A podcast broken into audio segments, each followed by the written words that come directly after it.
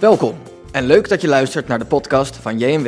Een podcastserie ter ere van het 75-jarig bestaan van Joods maatschappelijk werk. Vier afleveringen waarin we de toekomst van het werk van JMW onder de loep nemen. Mijn naam is Ascher Waterman, werkzaam bij JMW en uw gespreksleider vandaag. Het onderwerp van deze aflevering is erkenning. We bespreken wat het belang is van erkenning, in het bijzonder voor de Joodse gemeenschap in Nederland, en de rol die de overheid daarin speelt. Over zien en gezien worden, en wat dat betekent voor de volgende generaties. Te gast zijn Micha Glazer, voorzitter van de Raad van Toezicht van JMW, en Paul Blokhuis. Paul Blokhuis is demissionair staatssecretaris van Volksgezondheid, Welzijn en Sport namens de ChristenUnie. Daarnaast heeft hij ook de portefeuille Oorlogsgetroffenen en Herinneringen Tweede Wereldoorlog en is daarmee dus ook verantwoordelijk voor de wetten en regelingen voor oorlogsgetroffenen uit de Tweede Wereldoorlog. Um, welkom allebei. Dankjewel. Uh, ja, we hebben afgesproken om te tutoyeren vandaag, ja. dus daar ga ik uh, mijn best uh, voor doen. Um, Paul, drie jaar geleden, in 2018, toen je net staatssecretaris was, bracht jij een werkbezoek aan JMW. Wat is je daarvan het meest bijgebleven? Ik vond het sowieso een heel mooi, indrukwekkend werkbezoek, waarbij ik alle aspecten van de JMW uh, zeg maar te zien kreeg. En um, wat mij gelijk heel erg opviel en wat me ook best wel een beetje naar de strot greep, dat was, wij hadden gesprekken met de uh, tweede, derde generatie. En uh, dat een jonge vrouw, een jonge Joodse vrouw, uh, vanuit de derde generatie zei dat zij en ook haar klein kindje, uh, dat zij nog angst hadden vanwege hun Jood zijn. Dat was soms latent, maar soms ook heel manifest. En dat greep mij naar de strot, omdat ik dacht, jongens, dat hebben we toch, ik hopen, een keer gehad. En dat zo iemand dat ook gewoon durfde te uiten naar mij. Dat vond ik wel heel indrukwekkend. En was dat nieuw voor je, dat besef? Dat, dat, uh... Nou, ik weet natuurlijk dat Joden uh, door alle eeuwen heen uh, gebeten honden zijn in de samenleving. Hè. Het, gewoon een super getalenteerd volk, maar ook van alle kanten altijd geattaqueerd. maar omdat zo'n jong vrouw te horen zeggen dat zij angst had vanwege haar Jood zijn, nou, dat, dat kwam mij wel flink binnen, want dat ze dat, dat, dat, dat zo manifest ook kon zijn, dat had ik me niet gerealiseerd. Ja. Ze voor mij natuurlijk heel goed om te horen vanuit mijn verantwoordelijkheid. Maar eigenlijk zou, zou elke Nederlander dat moeten weten, dat, dat die angst er kennelijk is. Uh, dat, is mijn, uh, dat is iets wat mij heel erg is bijgebleven. Er was ook uh, een werkbezoek aangekoppeld bij LEF JMW. En dat was voor mij ook onvergetelijk. de, de oudste generatie, de nog in leven zijnde mensen, oorlogsslachtoffers en zo indrukwekkend uh, de, de, Joodse vrolijkheid en de levenslust bij mensen die ondanks alles wat ze hadden meegemaakt toch nog uh, zin aan het leven hadden. Wat de naam ook doet vermoeden, hè? lef, uh, lef, moed. het is een Nederlands woord geworden, maar dan met ja. een F. moed, maar ook liefde volgens mij betekent het. hart. er zit een ja. heleboel in, hart, ja. Um, en ja, eigenlijk heb ik pas later gedacht wat die mensen daar doen, dat is wat Edith Eger in haar boek De Keuze beschrijft. Van, mm. Je moet een keuze maken, je kan kiezen voor die slachtofferrol... of je kan zeggen van we kiezen voor het leven en om eruit te stappen. Tenminste niet uit het leven, maar uit de angst. En ik zag dat bij mensen daar met alle leed die ze bij zich droegen... met alle verdriet, uh, vaak hele families uitgemoord in hun nabije omgeving... Maar zag ik toch die, uh, die uh, veerkracht en, en vrolijkheid. Mensen waren ook vrolijk, gewoon spelletjes doen, lekker eten. Ja, Zeg, Micha, uh, in 2018 was de staatssecretaris net aangetreden, maar jij was ook net aangetreden als uh, voorzitter van de Raad van Toezicht. Ja. En um, waarom vond jij het zo belangrijk dat de staatssecretaris langskwam en wat wilde je nou, laten zien? Ik denk dat er een paar redenen voor zijn. Een van de redenen is het bestaansrecht van JMW te rechtvaardigen. Ja. En, en dat is denk ik uh, goed dat je, dat je er was. Uh, en niet alleen jij, maar ook de DG was er volgens mij bij en nog wat andere ambt, ambtenaren, ja. woordvoerder. En om helder te krijgen, nou goed, je had het over, over een, helaas die dame die, die wat negatieve ervaringen heeft. Uh, uh, de keuze om niet in een slachtofferrol te zitten, dat vind ik heel belangrijk. En dat is voor de volgende generaties nog veel belangrijker. Ja. En daar kan JMW een enorme mooie rol ja. in, uh, in spelen. En dus dat vond ik belangrijk dat VWS, maar ook staatssecretaris en uiteindelijk hopelijk ook de minister, ja, beseft wat het bestaansrecht van JMW is. En niet alleen hun eer, niet in de rol van eerste generatie vervolgingsslachtoffers daar steun aan te verlenen, maar ook voor de next generations. Misschien niet zo netjes om het Engels te gebruiken, maar gewoon de volgende generaties. En ik heb het niet over een tweede of derde generatie, maar het zijn de vervolgende Precies. generatie die identiteits, identiteitsgebonden ja, uh, zorg, aanbieding, uh, nou ja, allerlei zaken krijgen waarmee ja, JMW dat kan bieden. Maar daar ben ik het ook gelijk mee eens. Het is een heel specifiek type aanbod, wat ook um, zeg maar tot stand kan komen omdat mensen zoveel affiniteit hebben met de, met de achtergrond van de mensen. Ja. Dus, uh, dan is het heel gerichte hulpverlening. Dat klopt, maar goed, ik heb ooit de directeur van Pelita, die recentelijk gewisseld is, ontmoet. En die heeft eigenlijk met dezelfde systematiek te maken. Hè. Identiteitsgebonden, ja. identiteitsgebonden welzijn, welzorg, uh, nou, identiteit. Maar dat was, uh, dat was voor mij toen heel belangrijk. Het was ook voor mij de eerste hoogwaardigheidsbekleder die ik ontmoette daar. Uh, dus dat was ook wel grappig. Uh, maar wel bijzonder om, om, om, dat mee te mogen maken. Um, tussen 2018 en nu is er natuurlijk een, ja. een hoop gebeurd. Uh, ook op deze specifieke portefeuille van oorlogsgetroffenen en herinnering aan de Tweede Wereldoorlog. en een van de dingen is natuurlijk de recente onthulling van het Nationaal Holocaustnamenmonument. Ja. Ik heb begrepen dat u zich daar ook hard voor heeft gemaakt, hè, voor de financiering daarvoor vanuit het Rijk.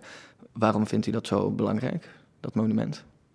Nou, laten we om te beginnen vaststellen dat het uh, een ontzettend belangrijk monument is, omdat uh, het belangrijk is om de namen te blijven noemen van mensen die vermoord zijn. En dat is, uh, die hebben daar ook letterlijk een plek gekregen. Dus alle lof ook voor Jacques Grishaven, die zich daar met al zijn levenskracht voor heeft ingezet op zijn best hoge leeftijd. Geweldig. Um, en ik moet eigenlijk ook met schaamte zeggen, het is wel 50, 60 jaar te laat dat dat monument er staat.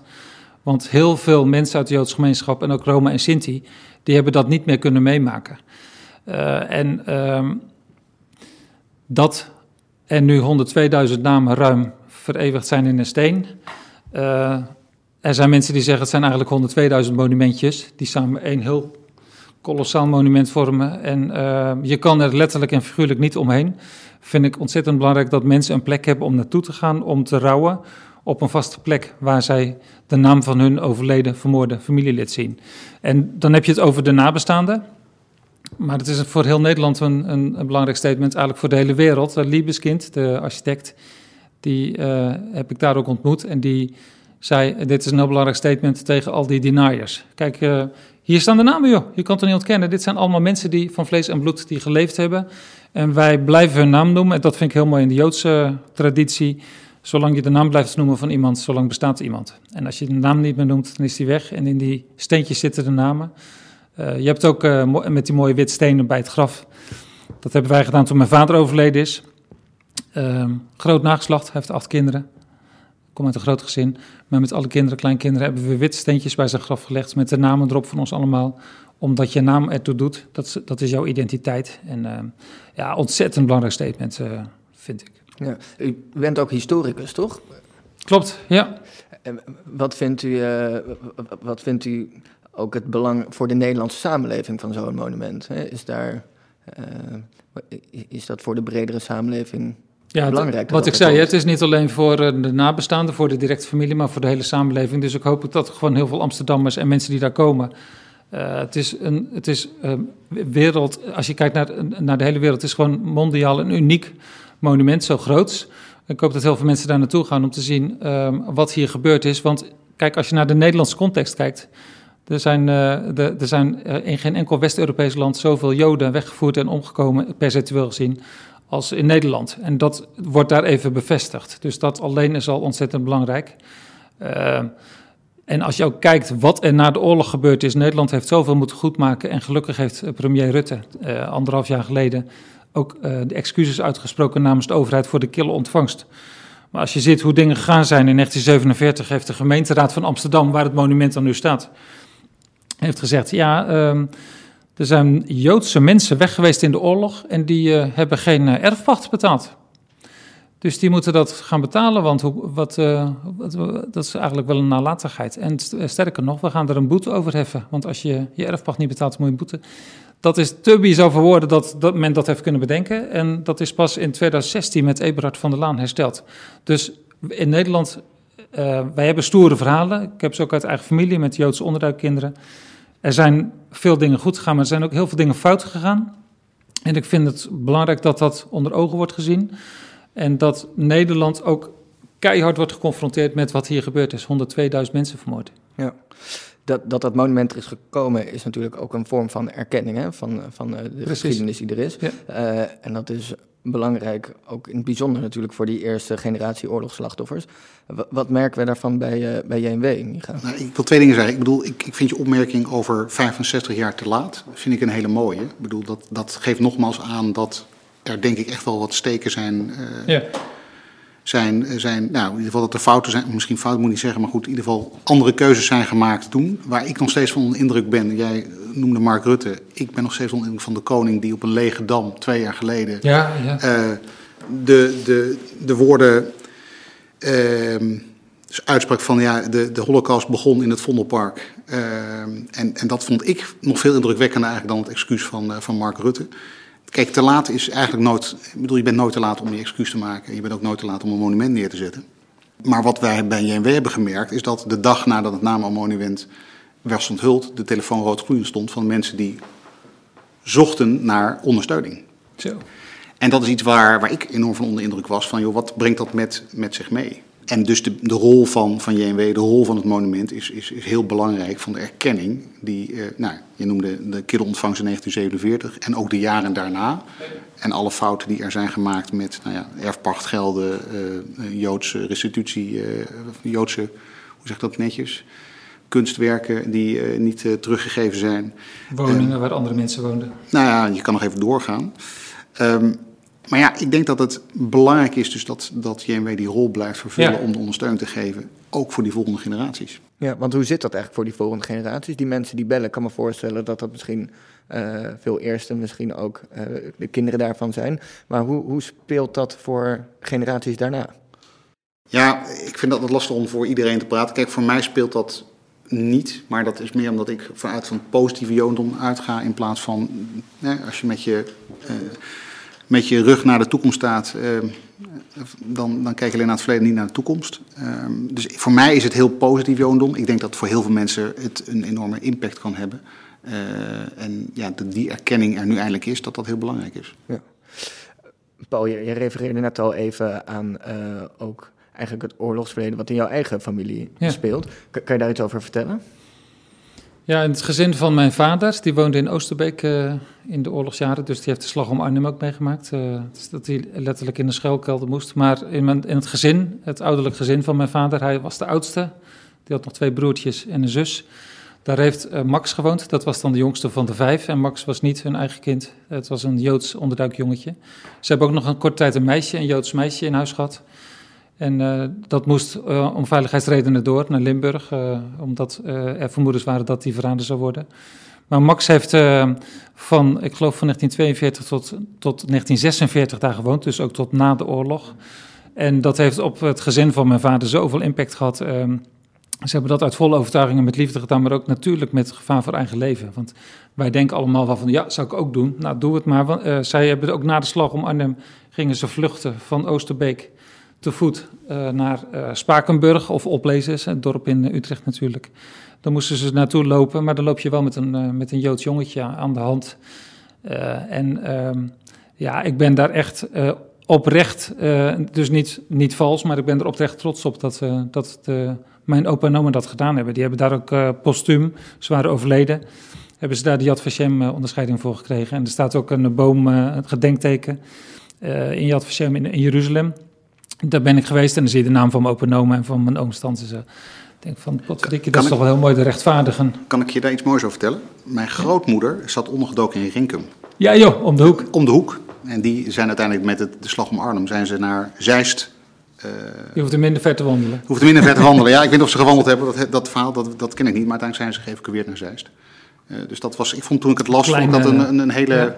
ja. mooi brugje eigenlijk. Ja, dus je zegt van die, die, dat verleden speelde echt als een rode draad door het leven van jouw vader. En heeft dat, denk je, ook op jou vervolgens invloed gehad? Op de manier waarop jij in het leven staat? Of uh, dat opgroeien met zo'n geschiedenis, heeft dat invloed? Ja, en dan wil ik me ook nog wel breder trekken. Maar zeker de liefde voor Israël, uh, die hebben wij met de paplepel ingegoten gekregen van... Uh, Israël is Gods volk en, en God is trouw aan zijn volk. Um, al hebben wij hele, wel vragen van hoe kan God dat toelaten dat er 6 miljoen mensen vermoord zijn in de meest absurde, afschuwelijke omstandigheden. Dat weet ik echt niet, het antwoord erop. Ik vind het verschrikkelijk. Um, maar uh, ja, bij ons thuis ging dat, en zover ga ik misschien niet, want mijn moeder ging naar de groenteman en zei, heb u uh, Jaffa sinaasappels? nee, niet Jaffa, ik heb Marokkaanse. Ze ja, die zijn ook lekker, maar ik wil Jaffa. Nou, en dat ging ze tien keer vragen tot ze maar eens Jaffa hadden aangeschaft. En toen had mijn moeder de zin van, ja, Jaffa gaat er ook naartoe. Um, dus dat, die liefde hebben wij met paplepel ingegoten gekregen, maar die wil ik ook breder trekken. Gewoon van de gedachte bij ons thuis was: iedereen moet kunnen meedoen. Voor iedereen moet er een plek zijn. Hmm. En dat geldt of dat een Jood is, of een Griek, of een Nederlander, of een Marokkaan of een Turk. Iedereen moet kunnen meedoen. En uh, die liefde voor je medemens, mensen een kans bieden, uh, dat is ook mijn rode draad in het functioneren hier. Mooi. Hey, uh, Micha, ja. bij JMW zien we natuurlijk ook dat het verleden kan doorwerken, ook op volgende generaties. op welke manier speelt JMW daarop in? Nou, ik denk dat je een aantal dingen daarin kan zien. Ik bedoel, losstaand van zeg maar eerste lijns uh, uh, maatschappelijk werk aan oorlogsgetroffenen, heb je natuurlijk ook mensen die op zoek zijn naar identiteit. En daar spelen op in door middel van de Benjamin, uh, het LEF ontmoetingscentrum waar je zelf bent geweest, Paul. Ja. Maar we hebben natuurlijk ook recentelijk Vrijda toegevoegd aan het label van JMW. We hebben ook nog een Tsafta, dat is gericht op de Israëli's die ja. hier in Nederland wonen. Dus er zijn heel veel vormen die wij uh, nou ja, aanbieden om in ieder geval identiteitsgebonden um, ja, toegang te bieden aan mensen om te kunnen ontwikkelen op dat gebied. En dat heeft dan, ja, en Benjamin is één van, maar ja, ik vind Vrijdag een heel mooi voorbeeld waarin andere dingen worden gedaan dan standaard een koffieochtend. Die heel belangrijk zijn hoor, voor met name buiten Amsterdam. Uh, maar opbouwwerk van de afgelopen jaren heeft natuurlijk toegeleid ja. dat daar ook een kleinere gemeenschap is. Niet door het opbouwwerk, maar ja, daar moet je nog steeds veel, veel aandacht aan geven. En wa waarom is dat zo belangrijk, ook juist voor die volgende generaties? Die soort van nieuwe hoek, dat, toch dat meer positieve. Nou ja, wat ik, eerder, wat, wat, ik net zei, uitgaande van positief jodendom in de breedste zin van het woord. Die, je, het gaat dus niet alleen maar om een slachtoffer te zijn, maar uh, met je beide benen in, die, in deze Nederlandse samenleving te zijn, maar ook heel bewust te zijn van je Joodse identiteit. Precies, zelfbewust. Maar, want het is ook alles. Sorry, ja, nee, ga, ga. Nou, het is ook alles of niks. Hè. Ik ken best wel veel Joodse mensen. En er zijn mensen die daar oprecht trots op zijn. Van ja, en ook met een keppeltje. En anderen zeggen ja, nee, ik doe mijn keppeltje op. Ik heb geen behoefte aan een pak slaag. Uh, of, of zich er licht voor schamen van ja, maar dat is, er is toch van alles met ons gebeurd. Totaal misplaatst. Uh, daar speelt denk ik JMB een hele belangrijke rol. Nou ja, dat je dat zelfbewustzijn. Uh, en niet vanuit de arrogantie, hè? Nee, nee, nee. nee, nee het, het, gaat, het, het gaat om identiteit te geven aan mensen die misschien niet religieus zijn. Ja. Uh, en misschien dat wel willen en daarmee uh, in ieder geval de toegangspoorten zijn om dat aan te kunnen bieden. Maar je, je, je moet een linking pin zijn tussen mensen die misschien net hun eerste stappen binnen het Jodendom zetten of een identiteit zoeken waar ze jarenlang naar op zoek zijn geweest, doordat misschien grootouders of, of ouders dat niet toelieten. Um, en, en daar speelt JMW een hele belangrijke rol in. Uh, en, en, om dat nogmaals te benadrukken, ik, ik verbaasde me over het feit dat er zoveel mensen belden naar, dat, naar de onthulling ja. van het naammonument. Maar dat is, dat is vooral gericht denk ik op die eerste en tweede generatie. Maar er zijn andere behoeften bij de vervolgende generaties. En daar speelt JMW gewoon op in. Door vrijdag, uh, door nou ja, ook dit soort dingen als een podcast opnemen voor een 75-jarig bestaan. Dat hebben we ook nooit eerder gedaan. Wat heel spannend is. Nee, want je bestaat maar één keer 75 jaar. Ja, je bestaat maar één keer 75. Maar goed, de wereld om ons heen wordt natuurlijk sneller. Hè? Ik bedoel, Instagram en vrijdag, uh, ja, ja. Nou ja, dat, dat hadden we ook nooit eerst nee. daarvoor gehad. Nee. Overigens, uh, even op die namen meer terugkomend. Wat ik heel ingrijpend vond, ook, ik heb daar veel mensen bij die muur gesproken. Een rabbijn kwam naar me toe en die zei... Kijk, je ziet mensen gelijk naar de familie zoeken, naar de familienaam. En dan raken ze dat ook even aan. Maken ze contact even met de familie van, tjoh, het is mijn familie. En toen zei hij, dat is heel mooi dat dat gebeurt, maar realiseer je dat de meeste steentjes zal nooit een hand opkomen, want die hele familie is gewoon uitgemoord. Dat grijpt je ook naar de strot als je zoiets hier realiseert. En wat je zegt, uh, want even nu naar het hier en nu. Uh, ik vind uh, het heel belangrijk dat JMW een bijdrage levert aan die identiteit, wat je zegt. Want ik denk dat mensen krachtige individuen worden in de samenleving en dat ze ook wat voor anderen kunnen betekenen als ze volop zich bewust zijn van hun eigen identiteit. Even een heel simpel voorbeeld, als een christelijke school zegt, zitten nu een paar islamitische kinderen op school, dus laten we de kerstviering maar achterwege laten. Dan zeggen de islamitische ouders, doe normaal, uh, je mag je eigen identiteit wel uiten. Uh, want uh, dan voelen wij ons ook serieuzer genomen dan dat jij jouw eigen identiteit opgeeft. Dus geef je eigen identiteit niet op. Als je die onder ogen ziet en uh, jezelf kent en herkent, dan kan je volgens mij meer betekenen voor iemand anders dan dat je zegt van, joh, dat doet er allemaal niet toe, uh, uh, wie ben ik? Nee, eerst zelf krachtig staan, dan kan je ook wat voor een ander betekenen. Ja, maar goed, die, dat staat natuurlijk wel onder druk door de samenleving. Nou, ik ben bang dat ik je daar gelijk in moet geven, maar ik denk dat het een maatschappelijke opgave is, en zeker ook van het kabinet, dat, dat mensen die vrijheid weer moeten gaan voelen om dat te kunnen. En, uh, dat begrijp ik, maar goed, als je gaat kijken naar uh, Joods onderwijs of bijzonder onderwijs in het algemeen. Nou goed, ChristenUnie heeft dat volgens mij uh, hoog in het vaandel staan dat bijzonder onderwijs moet blijven bestaan. Maar er zijn enorme discussies dat dat niet meer moet kunnen. Ja. Ja.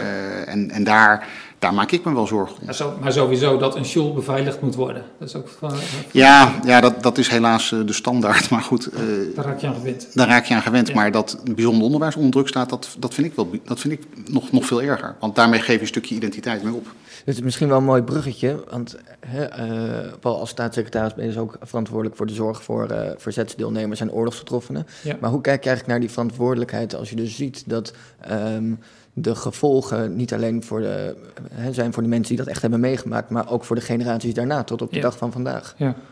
Nou ja, bij dat werkbezoek in 2018 raakte ik er dus al van overtuigd dat het JMW echt niet voor de eerste generatie is maar ook voor de generaties daarna. Omdat het belangrijk is dat mensen weten wie ze zijn, waar ze toe behoren. Kijk, iemand vanuit de derde generatie kan best met een hulpvraag naar ander maatschappelijk werk, hè, naar algemeen maatschappelijk werk. Maar de kracht van JMW is dat die uh, affiniteit heeft, goede kennis heeft van de wortels van het Jood zijn. En ik denk dat het heel belangrijk is dat mensen daarop kunnen terugvallen. Die identiteit is superbelangrijk. Uh, en hulpverlening voor mensen ook uit de tweede, derde en straks vierde generatie is denk ik uh, van cruciaal belang om mensen juist in hun kracht te zetten. Dat klinkt ook zo, die term in hun kracht zetten, maar mensen uh, zeg maar een, een goede bijdrage te laten leveren aan de samenleving. Dat kun je pas doen op het moment dat je zelf uh, je identiteit kent en weet wie je bent.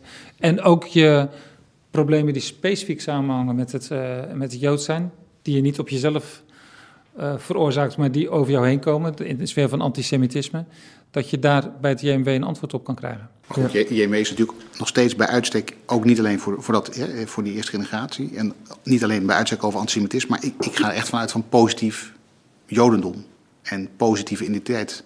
En dat moeten we zoveel mogelijk ja. proberen aan te bieden voor die volgende generaties. Ja. En die erkenning vanuit de samenleving dat dat moet blijven bestaan, ja, dat is denk ik heel belangrijk. Ja, dus jij zegt dat soort antwoord voor die volgende generaties, om meer vanuit die positiviteit ja. te beleven. Ja.